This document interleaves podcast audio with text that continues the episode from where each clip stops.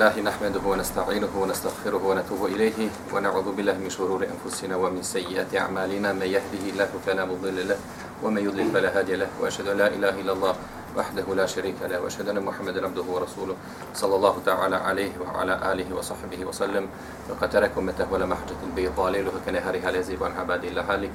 فإن أستك الحديث كتاب الله وخير الهدي هدي محمد صلى الله عليه وسلم وشر الأمور محدثاتها وكل محدثة بدعة وكل بدعة ضلالة وكل ضلالة في نار الله سبحانه وتعالى pošto smo donili salavat i salam na našeg posljednjeg poslanika, na Allahog miljenika Muhammeda sallallahu alaihi wa sallam.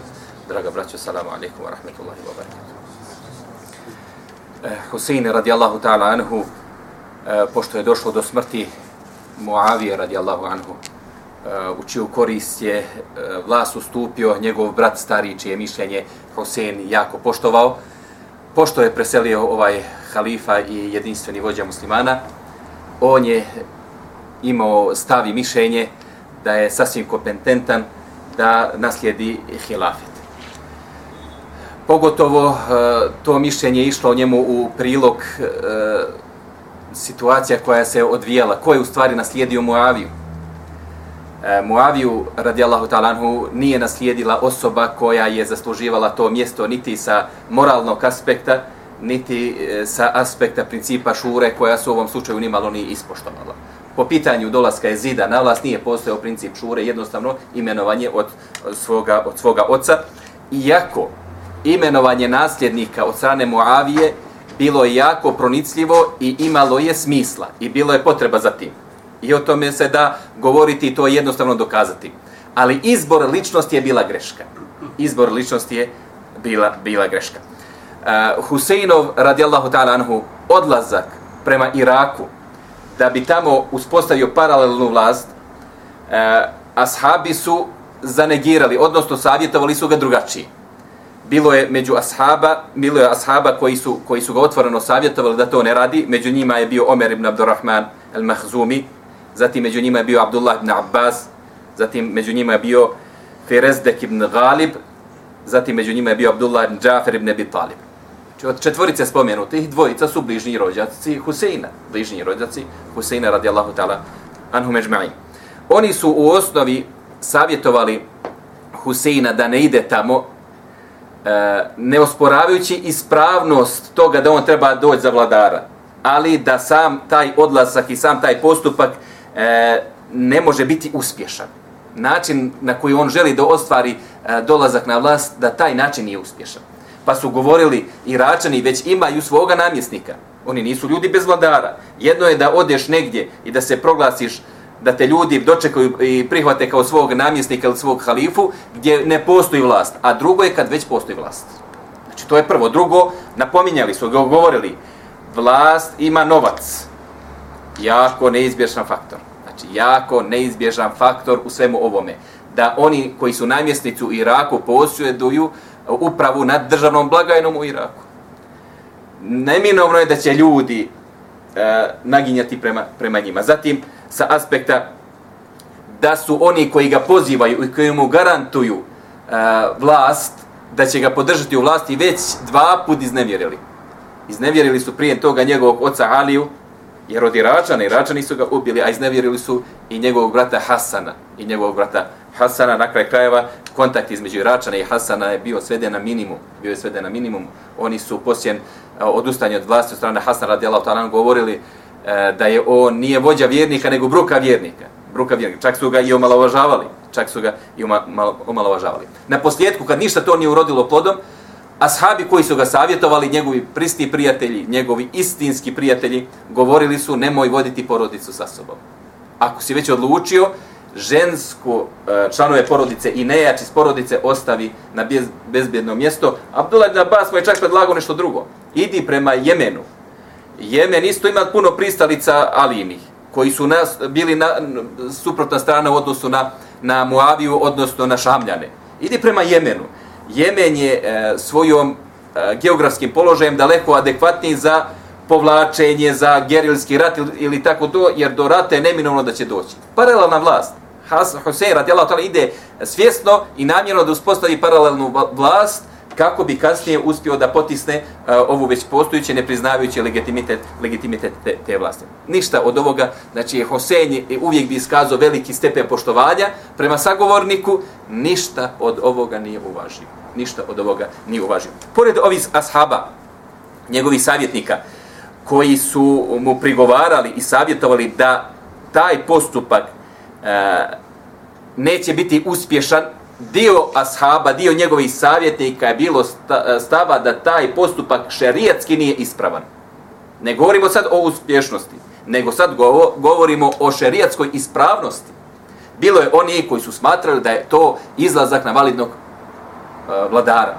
Čovjek je uspostavio svoju vlast, ljudi su ga priznali, nemaš pravo da mu se suprostavljaš. Nemaš pravo da mu se suprostavljaš među onima koji su to zagovarali, ističe se Džabir ibn Abdullah radijallahu ta'ala anuhu, koji je, pošto je čuo za Huseinove političke planove, otišao kod njega kući i rekao mu bez imalo uh, okolišenja i bez ikakvog uljepšavanja, boj se Allaha i ne okreći ljude jedne protiv drugog i sam znaš da ono što radiš neće donijeti nikakvo dobro.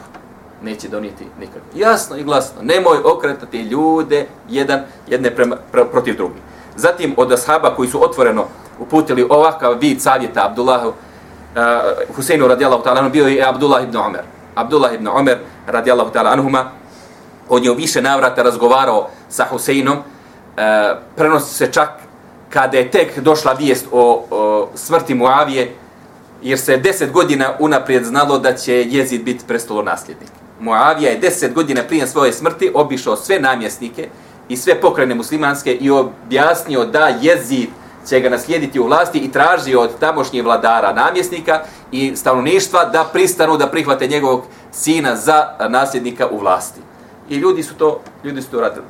I već smo spominjali Muavinu oporuku jezidu na samrtičkoj posljednje. Rekao što se tiče Kurejšija, Eh, mislim da ti se niko neće nešto značajnije eh, suprostaviti izuzev trojice. Abdullah ibn Omera, Abdullah ibn Zubira i Huseina ibn Ali znači na, po njih, njih trojicu. Kaže, što se tiče Abdullah ibn Omera, opisao ga, kaže, to je čovjek uh, nad kojim je provladao, provladavala vjera. Znači, pobožnjak, teški pobožnjak. I od njega, znači, ne očekujem nikakve, na posljedku, uradit će ono što uradi narod. Što uradi zajednica muslimana, to će uraditi Abdullah ibn Omer. Što se tiče Abdullah ibn Zubeira, prevrtljiv nije. Prevrtljiv nije.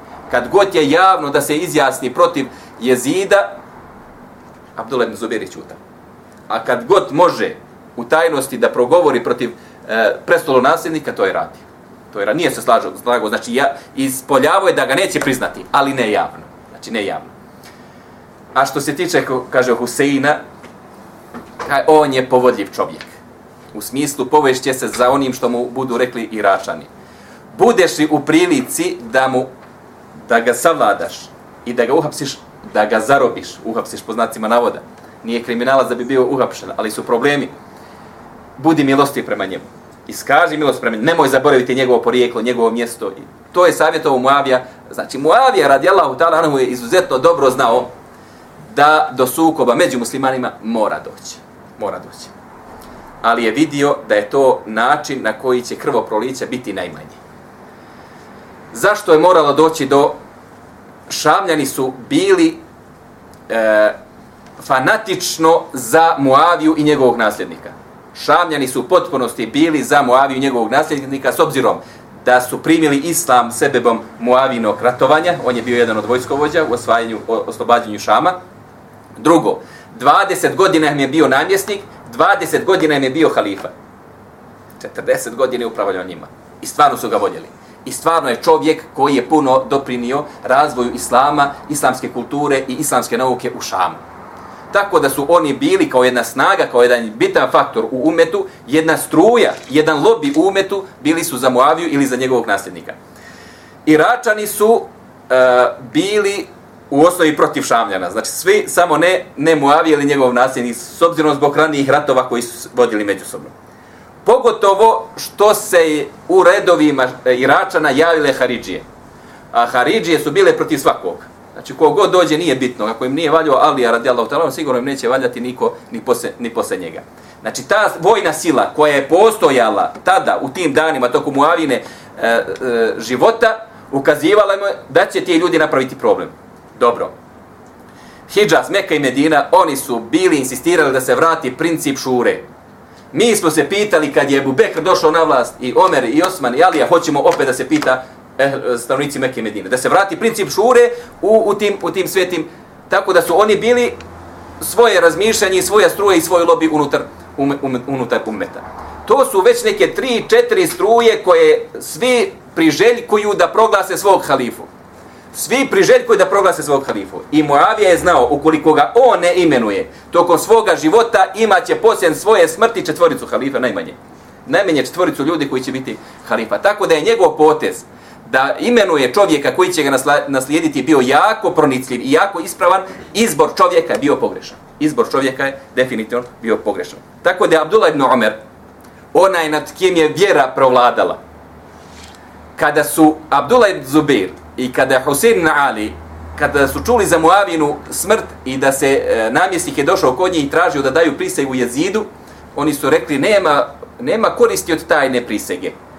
Sutra u mezđedu, ako želiš u mezđedu, pa ćemo javno pred ljudima i da završimo sa tim, pa se njemu to svidjelo i otišao je od njih, oni su se spakovali i iz Mekke, Medine, odmah su napustili Medinu, otišli prema, prema Mekke. Abdullah ibn Omer, kada je čuo vijest da je preselio Muavije i da je jezid proglašen imenovan ono što se i očekivalo, odme je otišao da traži Abdullaha ibn Zubeira i da traži Hosein ibn Ali. Pa je našao na izlazak iz Medine. Napuštaju Medinu. I obratio im se tada, preklinjao je Allahom da ne rade to, već da se pridruže narodu. Ukoliko narod bude, ne bude želio jezida, kad to je upravo ono što vi priželjkujete. Ni vi ne želite jezida. Super. A narod će izabrati vas. Ukoliko narod želi jezida, onda vi tu ne možete ništa. Pomirite se sa Allahovim kaderom i pomirite se sa tim da narod da ga narod želi. To je bio prvi susret Abdullah ibn Omera sa Huseinom ibn Alijom. Napušta Medinu. Drugi susret je bio kada je napuštao Meku. Kada je već napuštao Meku par mjeseci poslije ovih svih događaja, kada je odlučio iz te e, tihe opozicije da, pro, da pređe u jaku poziciju, da uzme e, dio vlasti i da se suprostavi jezidu. Tada ga je sreo Abdullah ibn Omer i upitao ga gdje ideš, pa on rekao idem u Irak. Pa mu ga je savjetovao da to ne radi. Savjetujem te da to ne radiš, pa je rekao, a zašto ne bih to uradio? Puni su mi džakovi e, pisama od stanovnika Iraka koji me svakodnevno dolaze od mene tražeći da odem u Irak da me priznaju za svog namjesnika, da me priznaju za svog, za svog vladara. Zašto, ne bi, zašto to ne bi uradio? Pa je Ibn Omer ga podsjetio, znači uopšte nije išao sada na, na sebe bedunjaluške, da li ima on šanse ili nema šanse, nego mu se vratio na jedan vjerski segment. Kaže, ti znaš da je tvom djedu ponuđeno ili velika pozicija na Dunjaluku ili velika pozicija na Ahiretu da bude našem poslaniku sallallahu alejhi wasallam, je ponuđena vlast na Dunjaluku, da bude kralj ili da za, za, za, zadovolji sa oskudnim životom, a da mu se to nadomiri i nadokradi na ahiretu, pa je izabrao za ahiret. Ali kaže, ti si njegov gen. Ako je tvoj djed izabrao ahiret i nije htio biti kralj na Dunjaluku, ti kao njegov gen ne priliči ti da uzmeš Dunjalučku vlast i da težiš i da težiš Dunjalučkoj vlasti i savjetovao ga je da se, da se vrati da se vrati u Meku. Iako na Ibn Omerove riječi Hosein nije imao nikakvog validnog argumenta, niti neke, neke e, jasnije, jasnije vizije, strategije, ipak se nije pokolebao. Ipak se nije pokolebao. S obzirom da je Husein još e, po dolasku Muavija na vlast, dok je bio imam u Iraku, objeća stavnicima Iraka, da pošto Muavija e, preseli, završi i okonča svoju vladavinu, da će on doći kod njih i da će im on bio, biti vođa. To je bilo e, dogovor koji su oni ranije, ranije uspostavili. E, Ibn Omer je spominjao kasnije Abdullah ibn Omer, kada se sve desilo, kada se sve završilo, kada je ubijen Husein, radi Allahu ta'ala, imao je običaj reći, kaže, Husein ibn Ali nas je sve porazio svojom odlukom. Sve nas je porazio svojom odlukom. Tako mi Allaha, ono što se ranije desilo njegovom ocu, i ono što se ranije desilo njegovom bratu, trebalo je da mu da više mudrosti i više o, o, osjećaja za situaciju u kojem se nalazi. Imao je iskustvo svoga oca, imao je iskustva svoga brata, obojica su iznevjereni upravo od te, od te skupine ljudi koji su njega pokušali da, da pomognu. Uh, jedinstvo je jedinstveno je, kaže, trebao stati na strani, na strani džemata, jer dobro je uvijek na strani džemata. Znači, Ibn Omer je ovako komentarisao, pošto se sve to izdešavalo, dobro je uvijek na strani, na strani džemata, dobro uvijek na strani zajednice. Od ljudi koji su otvoreno upozoravali Huseina radijallahu ta'ala anhu i uh, govorili mu o neispravnosti njegovog postupka jeste Ebu Said al-Hudri, uh, definitivno jedan od ljudi koji su bili dobri poznavoci Kur'ana i dobri poznavoci poslanikove tradicije, poslanikovog suneta, uh, e, on se nikako nije mogao pomiriti sa načinom sa kojim je Husein radijallahu ta'ala pokušao uh, da izrazi svoje nezadovoljstvo prema jezidovoj, jezidovoj vlasti, a naročito nije se mogao pomiriti sa njegovom odlukom da ode baš u Kufu, da ode baš prema, prema Iraku i da se spoji sa ljudima koji, e, koji su pokazali već ranije e, stepen neuračunljivosti i stepen nepouzdanosti. Stepen nepouzdanosti. I on je možda i naj, najotvorenije e, potez Huseina radijallahu talanhu E, prozivao ne, nepravednim, odnosno neosnovanim izlaskom na već postojećeg vladara. Neosnovanim izlaskom na već postojećeg vladara. E, naravno i, pos, i pored jasnih upozorenja e, Husein radijallahu ta'ala se nije obazirao na njegove riječi, uvijek pokazujući veliki stepen kulture, da sasluša čovjeka, da mu se zahvali i da nastavi da radi e, svoj posao. Jedan od uglednih ashaba je Ebu Waqid al-Laythi radijallahu anhu, on je posjetio Huseina u njegovoj kući i pokušao mu objasniti da je njegov odlazak u Irak šerijatski neoprava, neopravdan i da sigurno ide u smrt, da sigurno ide u smrt. E, naravno, nije ova posjeta nije e, nije urodila nikakvim plodom. Husein radijallahu ta'ala njemu je odgovorio e, sa puta na koji ja idem povratka nema. Povratka nema. Znači Huseinu je bilo izuzetno jasno, ali nije htio da iznevjeri ono što je ranije obećao stavnicima Iraka. Tako da vidimo da je dio ashaba negiralo e, uspješnost njegove misije, a drugi dio ashaba je u stvari negiralo ispravnost, ispravnost njegove misije. Sve u svemu e, malo je onih koji su ga e, podržavali u toj njegovoj ideji da li je to stvarno bio huruđi, da li je to bio ustanak na validnog vladara ili ne, o tome bi se moglo komentarisati i pričati. Ipak trebamo pogledati sa aspekta Huseina radijallahu ta'ala anhu. Uh, on je tvrdio da je od stavova i tačaka ugovora koje je postao između između Hasana, njegovog starijeg brata i Muavije radijallahu ta'ala anhuma, da će se po završetku vladavine Muavije eh, vratiti vlast na, opet na princip šure da će se vlasti izabrati na princip šure, znači on je onda zatim smatrao da Muavija to nije ispoštovao, da jezid nije došao na taj način. Drugo, a, jezid nije bio kompetentan, evo, i sve da je došao po principu šure, jezid nije bio kompetentan da bude vladar. To je bilo eh, Huseinovo eh, mišljenje o njemu, eh, njegove moralne osobine, njegov kvalitet politički nije bio zadovoljavajući da bi taj čovjek predvodio umet Muhameda sallallahu alaihi wa sallam nakon što su propali svi ovi pokušaji od strane velikana i uglednika toga vremena da po savjetima ubijede Huseina radijallahu ta'ala anhu da odustane od odlaska u Irak, nije im ostalo ništa drugo nego da pokušaju određenim diplomatskim putevima e, još jednom sačuvati krv i glavu ovog velikana. Tako da nalazimo da je namjesnik Mekke Amr ibn Sa'id ibn al-As, Amr ibn Sa'id ibn al-As, također Mervan al-Hakem, znači obojica dobro, visoko rangirani u, u Emevijskoj državi, namjesnici su bili, namjesnici su bili e, jako bliski porodično sa vladajućom strukturom, a, pokušali su da napišu pismo i da pismenim putem upozore namjesnika Iraka, Ubidullah ibn Zijada, e, da pripazi šta će raditi. Da pripazi kako će dočekati gosta koji mu koji mu dolazi. E, pokušali su ga podsjetiti i napomenuti kakvo je porijeklo čovjeka koji mu dolazi. Ko je taj, ta osoba u osnovi sa širijetskog, sa širijetskog aspekta, pokušali su ga prisjetiti na njegovo porijeklo i na njegovu, na njegovu vrijednost.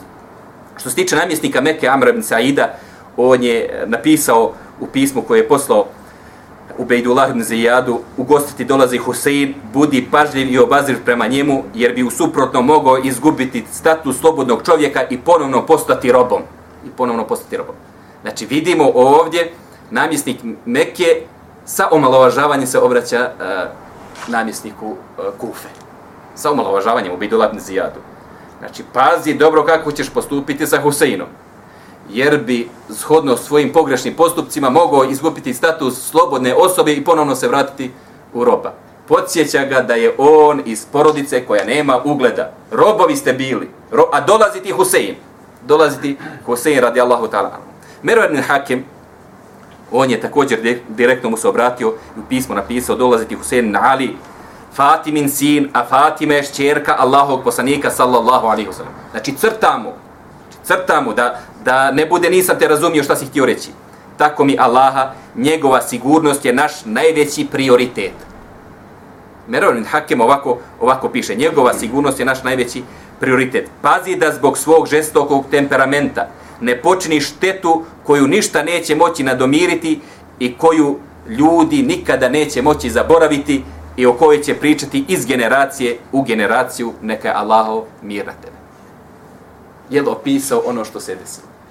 Z generacije na generaciju. Evo mi danas sjedimo ovdje 14 vekova posle toga i govorimo o toj situaciji i govorimo o problemima koji su proizišli iz te situacije, istog, istog događaja. Uradio je upravo ono na šta je, na šta je upozoravan. Uh, Između ostalog se spominje da je posebnim dopisom u Bejdullah ibn Zijadu se obratio i tadašnji halifa Jezid ibn Muavija. Jezid ibn Muavija mu je direktno poslao pismo i rekao da ne napravi ni najmanju grešku u obhođenju prema Huseinu, jer bi mogao to skupo platiti.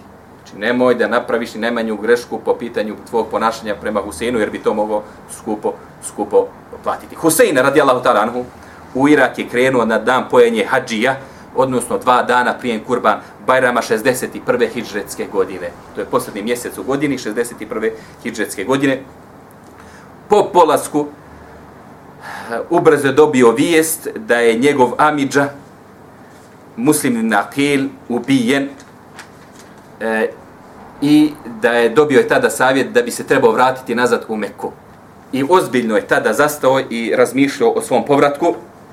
Međutim, muslimova braća, su tada govorila tako nam Allah nećemo se vratiti sve dok ne osvetimo svoga brata ili dok ne budemo ubijeni na tom putu. Ili dok ne budemo ubijeni na tom putu. Zatim je i Husein poslije toga se odlučio i rekao ukoliko vi budete ubijeni ja više nemam razloga za život. Vi ste mi najbliži rođaci vi ste mi moji pomagači. Ukoliko vi umrete najradi bi ja da, da umrem sa vama. E, ovdje već vidimo djelimično, a to će se voditi ovo, nažalost, cijelim putem sve do smrti, Hoseina radijallahu ta'ala anu, ta psihologija mase, psihologija mase. Više, gubi se jasan cilj. Gubi se jasan cilj. Jel mi idemo tamo da uspostavimo vlast i da se suprostavimo jezidu, ili sad idemo tamo da se osvetimo za ubistvo Muhammedina Nakila ili u čemu sad Husein neće da popusti zbog svojih Amidža, Amidža neće da popusti zbog toga što mi je ubijen brat. Znači, psihologija mase se e, dešava među njima, e, gubi se jasna strategija i gubi se jasan, jasan cilj. Ubejdullah ibn Zijad poslao je u doček Huseinu El Hurra ibn Jezide Temimija sa hiljadu vojnika. Sa hiljadu vojnika El Hur ibn Jezide Temimi ime je koje zaslužuje da ostane zapamćeno. Ime je koje zaslužuje da ostane zapamćeno El Hur ibn Jazid Temimi sa hiljadu boraca susreli su uh, Huseina blizu Kadesije i Hur mu je tada ga upitao kuda si krenuo sine kćeri Allahovog poslanika pa mu je Znači, priznajem te, nema šta, sine, kćeri, odmah mu govori da on zna ko je i da priznaje njegovo mjesto, pa mu je rekao, krenuo sam u Irak, pa mu je e, uh, Lahor odgovorio, naređeno mi je da se vratiš, e, tako mi je Allaha, Allah me je iskušao sa tobom. Znači, tako mi je Allah, Allah me iskušao sa tobom. Dobio sam naređenje nešto da uradim, ali ti si ti, neprijatno je maksimalno, vrati se odakle si došao, e, ili idi u Šam kod jezida, samo nemoj ići u Kufu. Ili idi u Meku ili idi u Šam, samo nemoj ići u Kufu. Uh, Džaba je Ibn Jezid uh, el-Hur insistirao uh, na tome, Muavije je bio, odnosno Husein radijalahu talan je bio izričit na tome da želi da se susretne i da dođe do, do Kufe. Pa se tada spominje u tim pregovorima da je nastupio namaz. Nastupio namaz. Pa kada su proučili ezan i kada je uspostavljen namaz, namaz je predvodio Husein radijallahu talano i za njega je klanjalo hiljadu boraca od Hurra zajedno sa Hurrom i 72 saputnika od Husena radijallahu Znači svi zajedno klanjaju. Svi zajedno klanjaju. Jer Hur nije imao problema sa tim da je Husein čovjek od šerefa i od kerema, znači od pozicije, od ugleda kod, kod muslimana. Niti njegov, taj dio njegove vojske. Pa nije, ga mogu, nije mu mogao dozvoliti da uđe u Kufu. To je bilo izričito naredba. Ali ga je dopremio do mjesta koje se zove Kerbela. Kerbela. Ker, kerb kažu da znači tuga, a bela znači iskušenje. Bela, i kod nas se kaže beljaj za dijete koje, koje je neposlušno. To je tuga i iskušenje. Tuga i iskušenje. Doveo ga do mjesta koje se zove tuga i iskušenje. I vidjet ćemo da će ovo mjesto ostati zapapćeno po, to, po toj opisu i tom po osobinama najvjerojatnije do sudnjega, do sudnjega dana. El Hur ibn Yazid Tamimi vratio se sa svojih hiljadu boraca do Kufe, a, pokušao se sresti sa Kufljanima i govoriti im da je Husein na domak Kufe, da je potrebna im njihova pomoć, a, s obzirom da je vidi, imao uvid u pisma koje mu je izložio Husein, podsjećao je na ta, na ta pisma, a, ništa to Kufljanima nije značilo, ništa nije e, značilo, na posljedku se Hur a, predružio Huseinu i poginuo od tog dana braneći Huseina radijallahu ta'ala. Znači, ostavio svoju, svoju poziciju, ostavio svoje mjesto, ostavio svojih hiljadu boraca, pozivo, pozivo, pozivo, napominio, vi, znači, nisam ja obećavao da ću da ga pomogne, vi ste obećavali. Sad je vakad da idete da ga pomognete, to nije neka filozofija, to nije neka, ne, svi se pravi, niko ništa ne progovara, znači, niko ništa, svi se prave, svi se prave a, ludim. Tako da je na posljedku Al-Hur ibn Jezid, Temimi, pridružio se vojci vojsci, naz, nazvat ćemo je vojskom, 72 osobe, 72 osobe koje su bile uh, sa njim, pridružio se njemu i poginuo braneći, braneći Huseina radijallahu ta'ala. Uh, nedugo zatim, pošto je Hur se vratio i pošto je pozivao stanovnike Kufe, uh, do Kerbele je došao Ibn Zijadov, uh, Eh, drugi vojskovođa, Omer ibn Sa'd ibn Abi Waqas. Omer ibn Sa'd ibn, Sa'd ibn Abi Waqas, je vam poznato to? Jedan od desetorice obradovanih dženetom. jedan od desetorice obradovanih ženetom. Uh, eh, vojskovođa Ibn Zijadov je bio Omer. Uh, njegova vojska je sada brojala 4000 ljudi. 4000 ljudi. Uh, naravno, došli su radi dijaloga. Radi dijaloga. E, Omer se e, sreo sa Husenom radi ta'ala anhu i on mu je izložio e, svoje namjere. Zašto je tu došao? Izložio mu svoja pisma i rekao ja sam zbog ovoga došao. 12.000 ljudi se potpisalo stanovnike, stanovnika Kufe da daje prisegu. Sada da 12.000 nekom da prisegu, to je već sila. A ne tada na taj posto, na taj posto stanovništva. A, govorio je Husene, ako su umeđu vremenu promijenili svoje mišljenje i ne žele me više, ja ću se vratiti odakle sam i došao. Ja ću se vratiti odakle sam i došao. Ali njega je interesiralo da čuje mišljenje ne Ibn Zijada i oni koji drže vlast, nego naroda, da čujem da čuje njihovo njihovo mišljenje. Omer e, je poslao pismo Ibn Zijadu, namjesniku, gdje mu je objasnio koji su razlozi dolaska, e, koje su mu namjere, da su male šanse od odustajanja od, od, tih, od tih na, namjera, pa mu je Ibn Zijad odgovorio u ime Allaha milostivog samilosnog, dobio sam tvoje pismo i razumio sam tvoje riječi, ponudi Husinu i njegovim ljudima da odma daju prisegu jezidu, a mi ćemo se nakon toga razmatrati i uvidjeti šta da radimo sa njima. Nimalo ukusno pismo. Znači, nimalo ukusna poruka. Ti daj prisegu jezidu, a mi ćemo poslije toga da odlučimo šta ćemo i kako ćemo sa tobom. Šta ćemo, šta ćemo i kako ćemo. Omeru je bilo jasno da, da je to neprihvatljivo. Da je to neprihvatljivo za Huseina radijallahu ta'ala anhu, kao što je i, i bilo uh, Omer je pokušao da, da ubijedi uh, tada Huseina da odustane od ulaska u, u, u Kufu, da uradi nešto, nešto drugo. Savjetovao ga je da ode prema jezidu u Šamu. Znači, idi kod jezida u Šam, pa se tamo pokušaj sa njim, sa njim obračunati, a, pa je u osnovi pristao.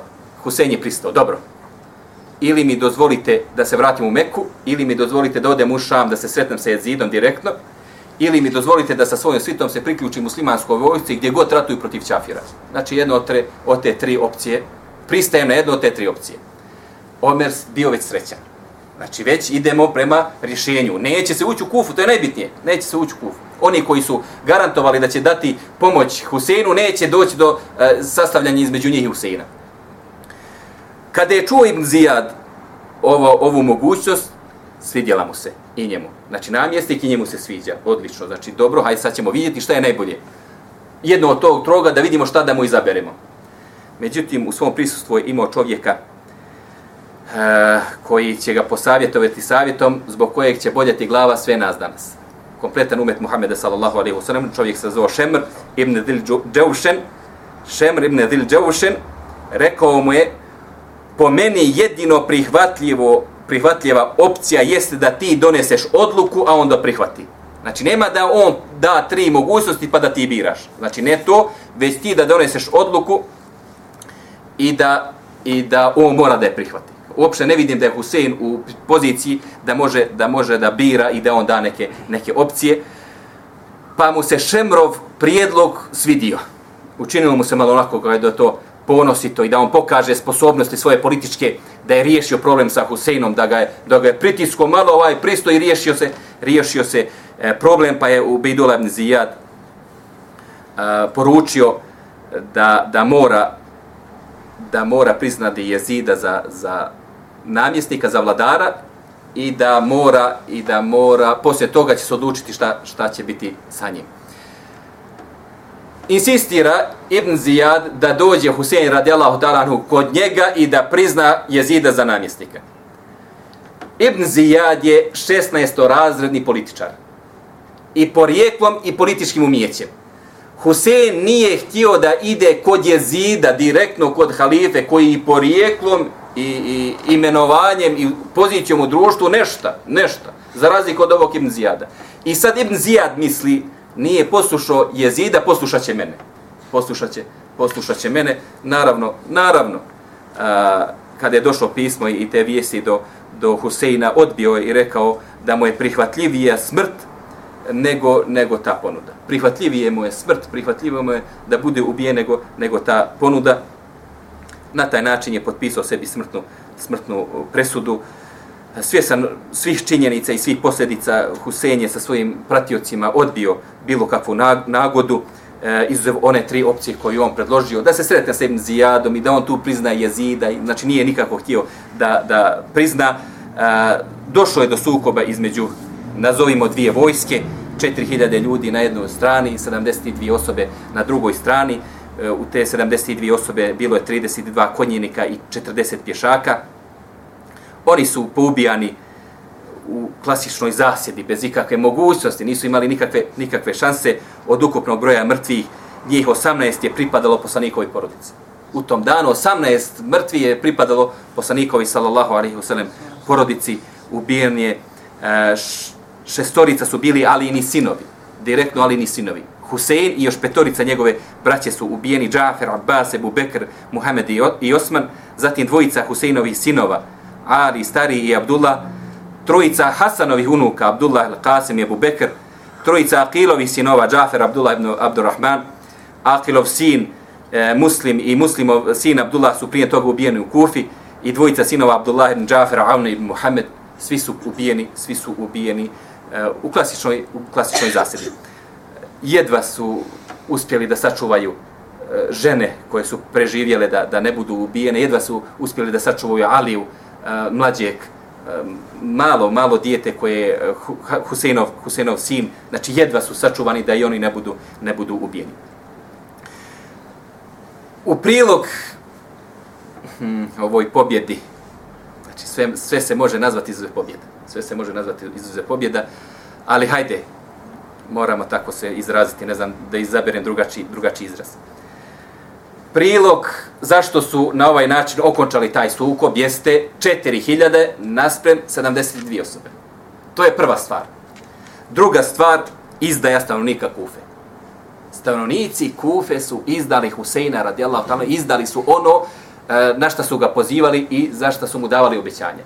Husein nije odustao do zadnjeg trenutka zato što im je obećao. Samo zato što im je obećao. Oni su odustali i njihovo obećanje, njihova pisma, njihovi potpisi nisu značili ništa.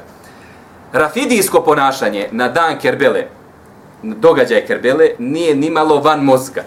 Znači oni dobro znaju da su ga iznevjerili.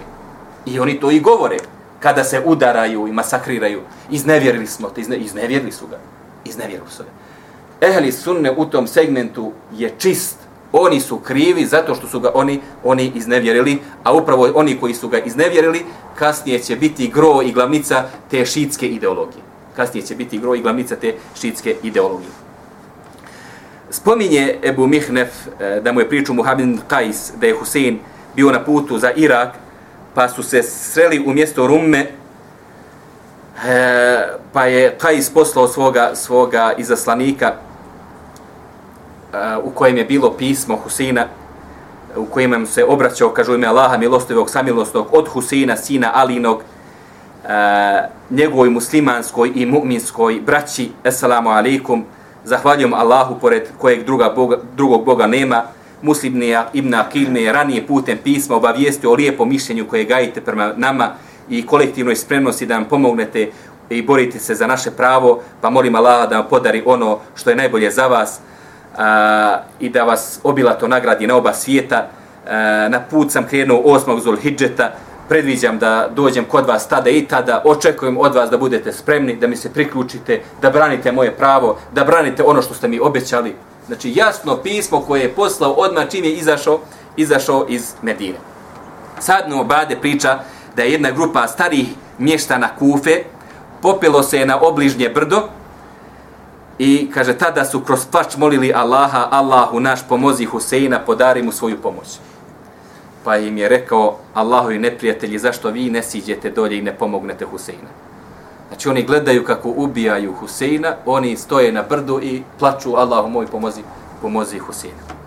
Abdullah i Muzri iz plemena Esed e, dočekali su Huseina na samom ulazu u Kufu i rekli mu zaklinjimo te Allahom da radi svega, svoga i dobra svoje porodice odma napustiš ovo mjesto jer u Kufi nemaš ni pomoćnika ni pristalice prije će biti da će se okrenuti protiv tebe nego da će se boriti za tebe.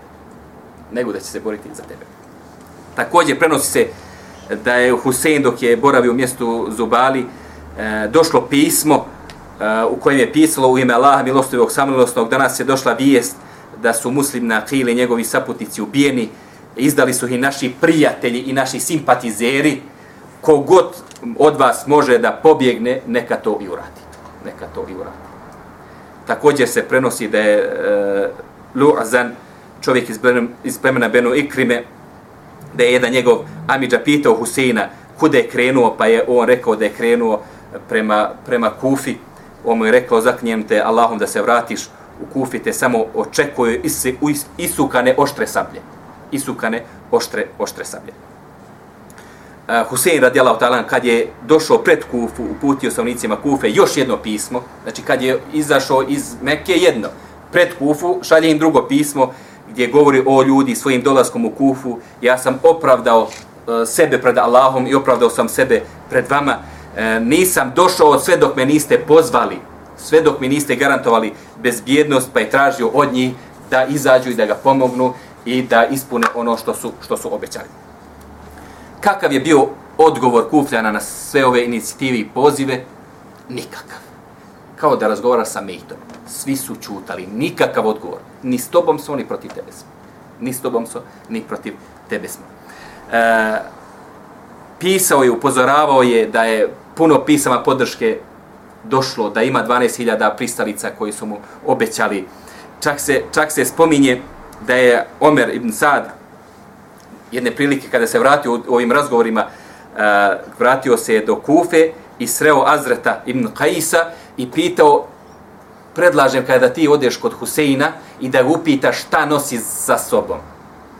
Zato što je, ovaj sad u sviti sa, sa Ibn Zijadom, zato što je on najviše pisama poslao podrške Huseinu, najviše insistirao da, da dođe Husein. I sad se Omer isto pravi kulira, Kad najbolje da odeš da, da vidiš šta on to, na što se on to poziva. A zna na što se poziva i zna da je najviše njegovih pisama. Kao ovaj ništa čuti, pognute glave, ništa ne spominje. Niti da brani svoj postupak, niti, niti da osporava. E, naravno, bez imalo sumnje, Husein je bio e, žrtva vele izdaje, izdale su ga oni koji su u srcima bili uz njega, a svojim sabljama su bili uz Benu Umeje, svojim sabljama su bili u, uz Benu Umeje. Spominje se da su mu govorili neki osamnika Kufe, što se tiče uglednih ljudi, u Kufi svi su potkupljeni. Znači Ibn Zijad je odriješio kese. Sve do jednog uglednika je potkupio i podmitio.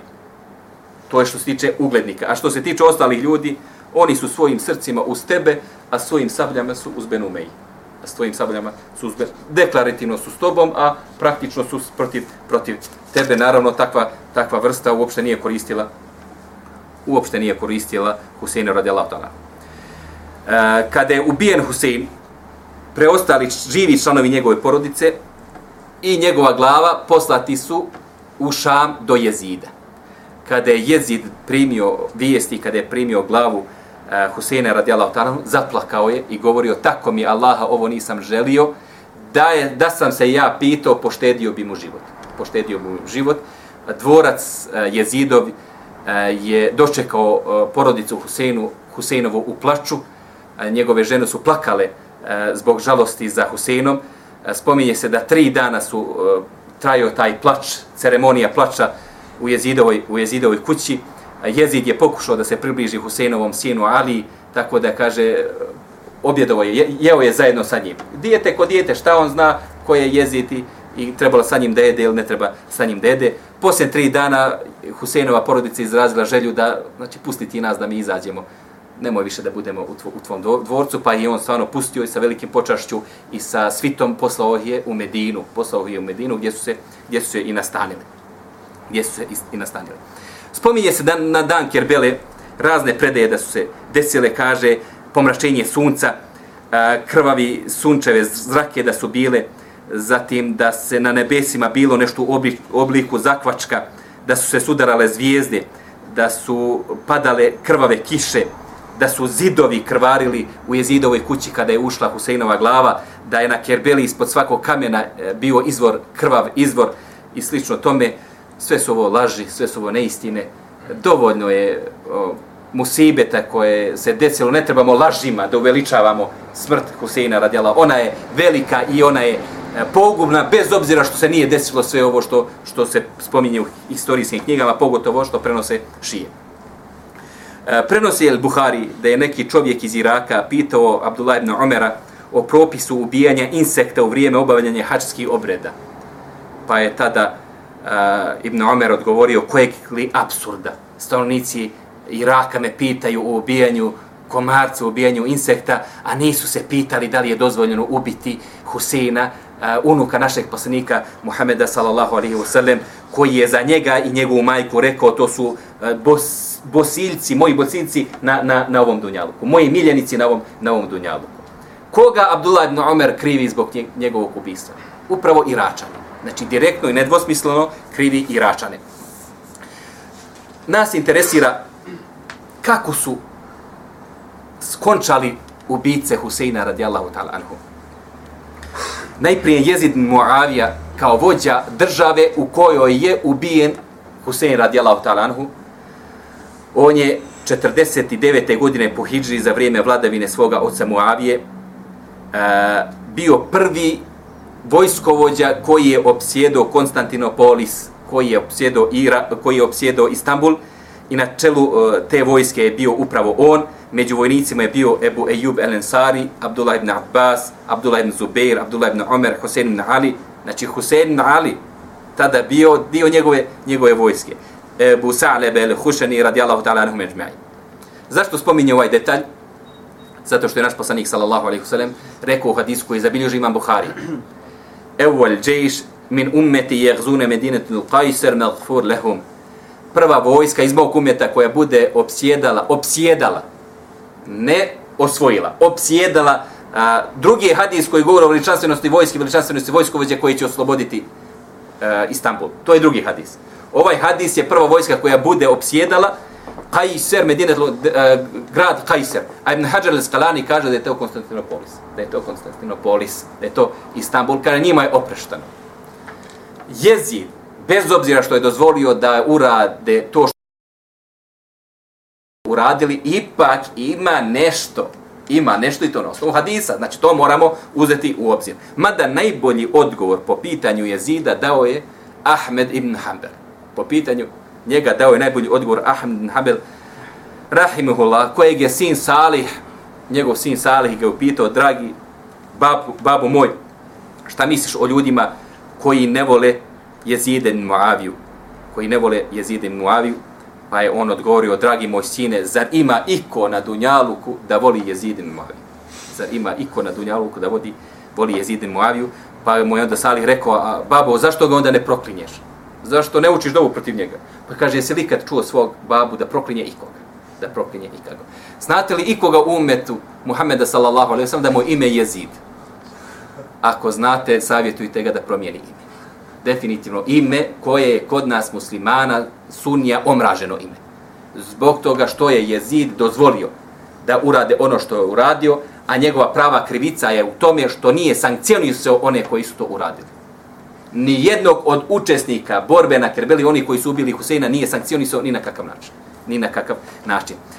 A, Ahmed ibn Tejmije, koji je djed od Ebu, Ebu Abdullah ibn Tejmije, koji je djed e, uh, šehol sam Tejmije, rekao je kada jezik, jezid ibn Muavi u pitanju, ne treba ni prouličavati, ni umanjivati njegovu odgovornost niti ga treba pravdati, niti mu treba uh, tovariti ono što što nije pri njemu i šehol sam Tejmije kaže da je ovo najpravedniji i najodmereniji stav eh, kojeg lično, lično i on a, zagovara. Iako je malo nezahvalno za govor svoga djeta reći ovo je baš, znači mašala kako se moj djet izrazio, ali kaže ovo ovo je govor koji ja zastupam.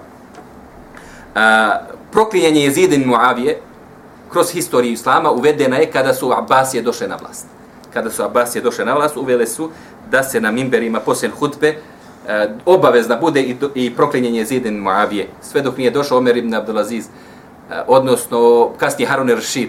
Harun Rashid kad je došao na vlast, on je to zabranio i naredio da se uči ajet Inna Allah ya'murukum bil adl wal ihsan wa ita'i kurba. Ajet koji svaki put slušate posebno. Znači Allah vam naređuje da budete i govori ajet koji su stvarno jezgroviti. Ajeti koji su stvarno jezgroviti.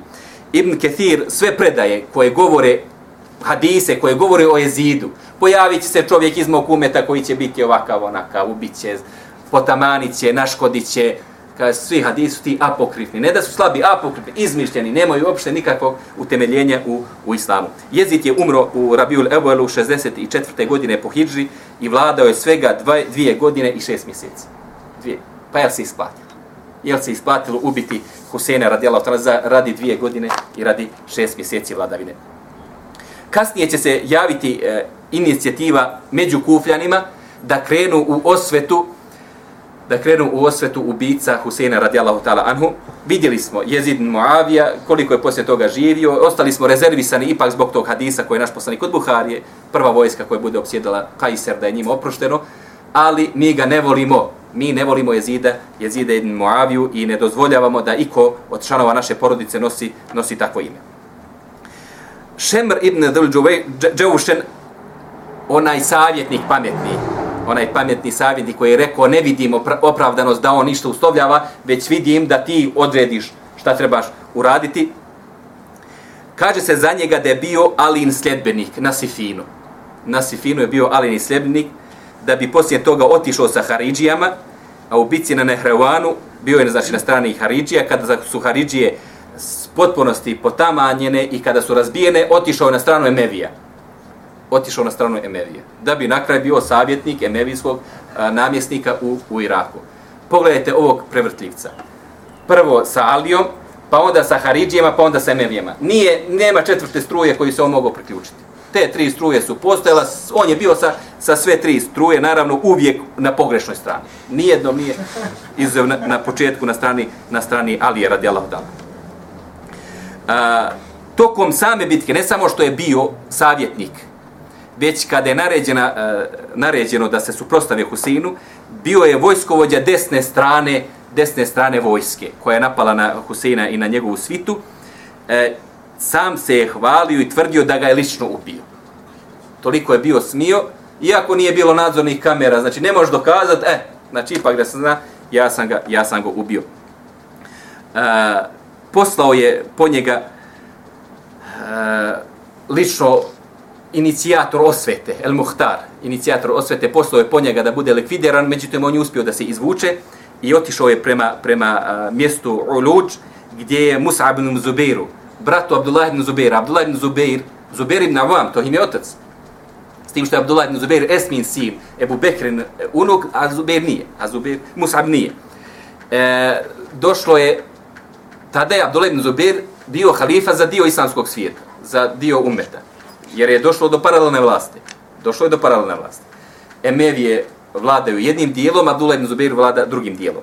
Kad je došlo do mjesta Uluđ, uh, ovaj čovjek Šemr poslao je svoga pismonošu do Musaba ibn Zubaira da, da mu se najavi i da kaže ako ikako može da pošalje neku manju gardu da, da uzmu ga, da ga spase. Da ga, da ga spase. Međutim, uspjeli su uh, Muhtarovi, uh, e, vojska Muhtarova, organizatora, ko onaj, onaj koji je organizirao osvetu, uspio je da pošalje, da uhvati tog njegovog slugu i da pročitaju pismo koja je njegova lokacija, pa je tada Šemr, pošto je bio opkoljon, izašao sa sabljom da se bori, uzalud se branio i uzalud, uzalud pokušavao da uh, ostavi svoju glavu na, na ramenima, nije mu to pošlo za rukom, već mu je glava odsječena i poslata je Muhtaru u Kufi. Poslata je Muhtaru u Kufi na ovaj način je skončao savjetnik i čovjek koji je tvrdio da je odrubio glavu Huseinu radijalahu ta'ala.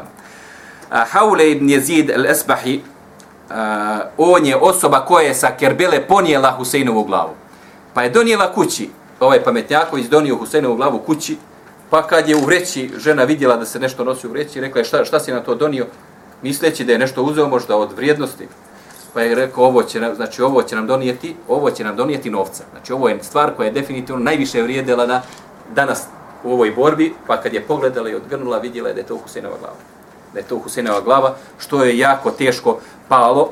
Muhtarov, lični telohranitelj Abdullah ibn Kamil Ešakiri, došao je kod njega kući, dok se je on krio, spominje se da se krio u nekoj košari, neku košaru je držao na svojoj glavi, neki džak, nešto u što se čuvale hurme, da se osuše suhe hurme, pa kaže kada je pokucao i kada je žena otvorila, pitao gdje je, gdje je Haulej, pa je ona odgovorila, ne znam gdje je, i pokazala prstom prema ćošku, jer je prezirala ga. Kad je videla Huseinovu glavu u svoju, u svoju kuću, nije više mogla očima da ga pogleda, pa su oni došli do njega, otkrili ga, on, možete misliti u kakvoj poziciji, u kakvoj situaciji. Odveli su ga do Muhtara, e, gdje je naređeno da bude ubijen, pošto su ga ubili, spalili su ga. Ubidullah ibn Zijad, namjesnik Ubidullah ibn Zijad, i najodgovorni pojedinac za ubistvo Huseina, nije bitno ko je, bitno je naravno ko je sablju, ali je njegova odgovornost daleko, daleko veća. A, došlo je e, glava Huseina radjala do njega, pa je štapom udarao po njegovoj glavi, razgrćao bradu i kosu i nabio štap Huseinu radijallahu ta'ala u usta. Nabio mu štap u usta i smijavo se, kaže, vidi je, Ebu Abdullah je bio svijet čovjek. Bio je svijet čovjek i u tom međlisu je bio Enes ibn Malik radijallahu ta'ala anhu, pa nije više mogao da se suzdrži od komentara. Ashab našeg poslanika sjedi tu i gleda, i gleda šta, se, šta se dešava. Enes ibn Malik će kasnije imati probleme sa emevijskom vlašću i bit će u zatvoru, noći će, nosit će zatvorenički pečat na svom tijelu, jer je Hadžad ibn Jusuf žigoso sve one koje svrsta, stavi u zatvor, jednom žigoše ga, da uvijek nosi žig, da se zna ovaj je bio zatvoreni. E, među njima će biti i Enes ibn Mali. Pa kad je vidio kako se postupa prema Husenovoj glavi, rekao je od svih ljudi, on je najviše ličio našem poslaniku, sallallahu alaihi wa Znači ti to što mu prigovaraš da ima sjedni u glavi, on prisjeća da sa tim sjedimo, on najviše liči našem poslaniku Muhammedu sallallahu alaihi wa Ubejdullah ibn Zijada ubio je Ibrahim Nehaji 67. godine po Hidžri. Oni su imali jedan e, sukob, jednu borbu. Međutim, Ubejdullah ibn Zijad nije znao da su se njegova dvojica vojskoveđe već dogovorili sa suprotničkom vojskom da on bude izdat. Tako da je on u borbu otišao sa pun hrabrosti, pun elana, pun samopouzdanja, ne znajući da su dvojica glavni njegovi vojskovođa već dogovorili da ga izdaju, da ga izdaju tako da je ubijen, da je ubijen u toj, u toj borbi jedan od onih kojem se osvijetilo zbog ubistva Huseina radijallahu ta'ala jeste Omer ibn Sa'd ibn Abi Sin od Sa'd ibn Abi On je rođen u godinu u kojoj je preselio Omer ibn Khattab, to je bilo 22. godine po Hidžri. iako je bio sin časnog ashaba Sad ibn Abi kome je obećan dženet, ipak je nesmotreno ušao u rješavanje problema koji će dovesti do velikih pro, e, teškoća i neprijatnosti i njegovoj porodici i umetu Muhammedu, Muhammeda sallallahu alaihi wasallam. Iako je na početku El Muhtar, vođa otpora i osvete Huseinove smrti, Omer ibn Saadu dao garanciju za bezbjednost života i bezbjednost života njegove porodice, ipak se na posjetku Muhtar predomislio. Znači nije mogao da podnese, tako da je naredio i Omer e, je ubijen. Glava mu je ponovno donijeta, njegova kao i glave ranijih e, ubijenih Muhtaru. Također u periodu Muhtara i njegove inicijative za osvetu Huseina radijalahu ta'ala ubijen je Jezid, koji je likvidirao muslima ibn Aqila, izvidnica Huseinova. Čovjek koji ubio muslima ibn Aqila, Jezid, e, on je također ubijen, opkolili su njegovu kuću i srušili su kamenje na njega, zatim su ga spalili dok je on uvijek bio zatrpan ispod kamenja, ispod zidina svoje kuće. Zapalili su ga živoga. Hakim uh, Fudeil, e, koji je razapeo El Abbas ibn Aliju ibn Abi Taliba, sina Alinog, e, koji je razapeo na Kerbeli. Malo je što ga je ubio, nego je razapeo. Također su uspjeli da ga ubiju i da se osvete. Zatim Zaid ibn Riqad, e, Džundi, e, koji je strelicama ubio Abdullah ibn Muslim ibn Aqila i time se hvalio, pa kada je Muhtarova vojska došla na čelu sa ibn Kamilom, e, Ešakirijom, odlučili su da ga ubiju na isti način, tako da su ga gađali kamenjem i strijelama i na kraju ga, onako ranjenog i istrpljenog, živog zapalili živog su ga zapalili. Također Amr ibn Ubej, jedan od ubica koji su se hvalili svojim učešćem u borbi, tako da je Muhtar naredio i njegovo, njegovo ubistvo. I historičari tvrde i bilježe da od 4000 učesnika u bitci na Kerbeli nijedan nije umro prirodnom smrću. Svi su umrli na način ovakav ili sličan, sličan tome, ubijeni su na ovako svirep, svirep način.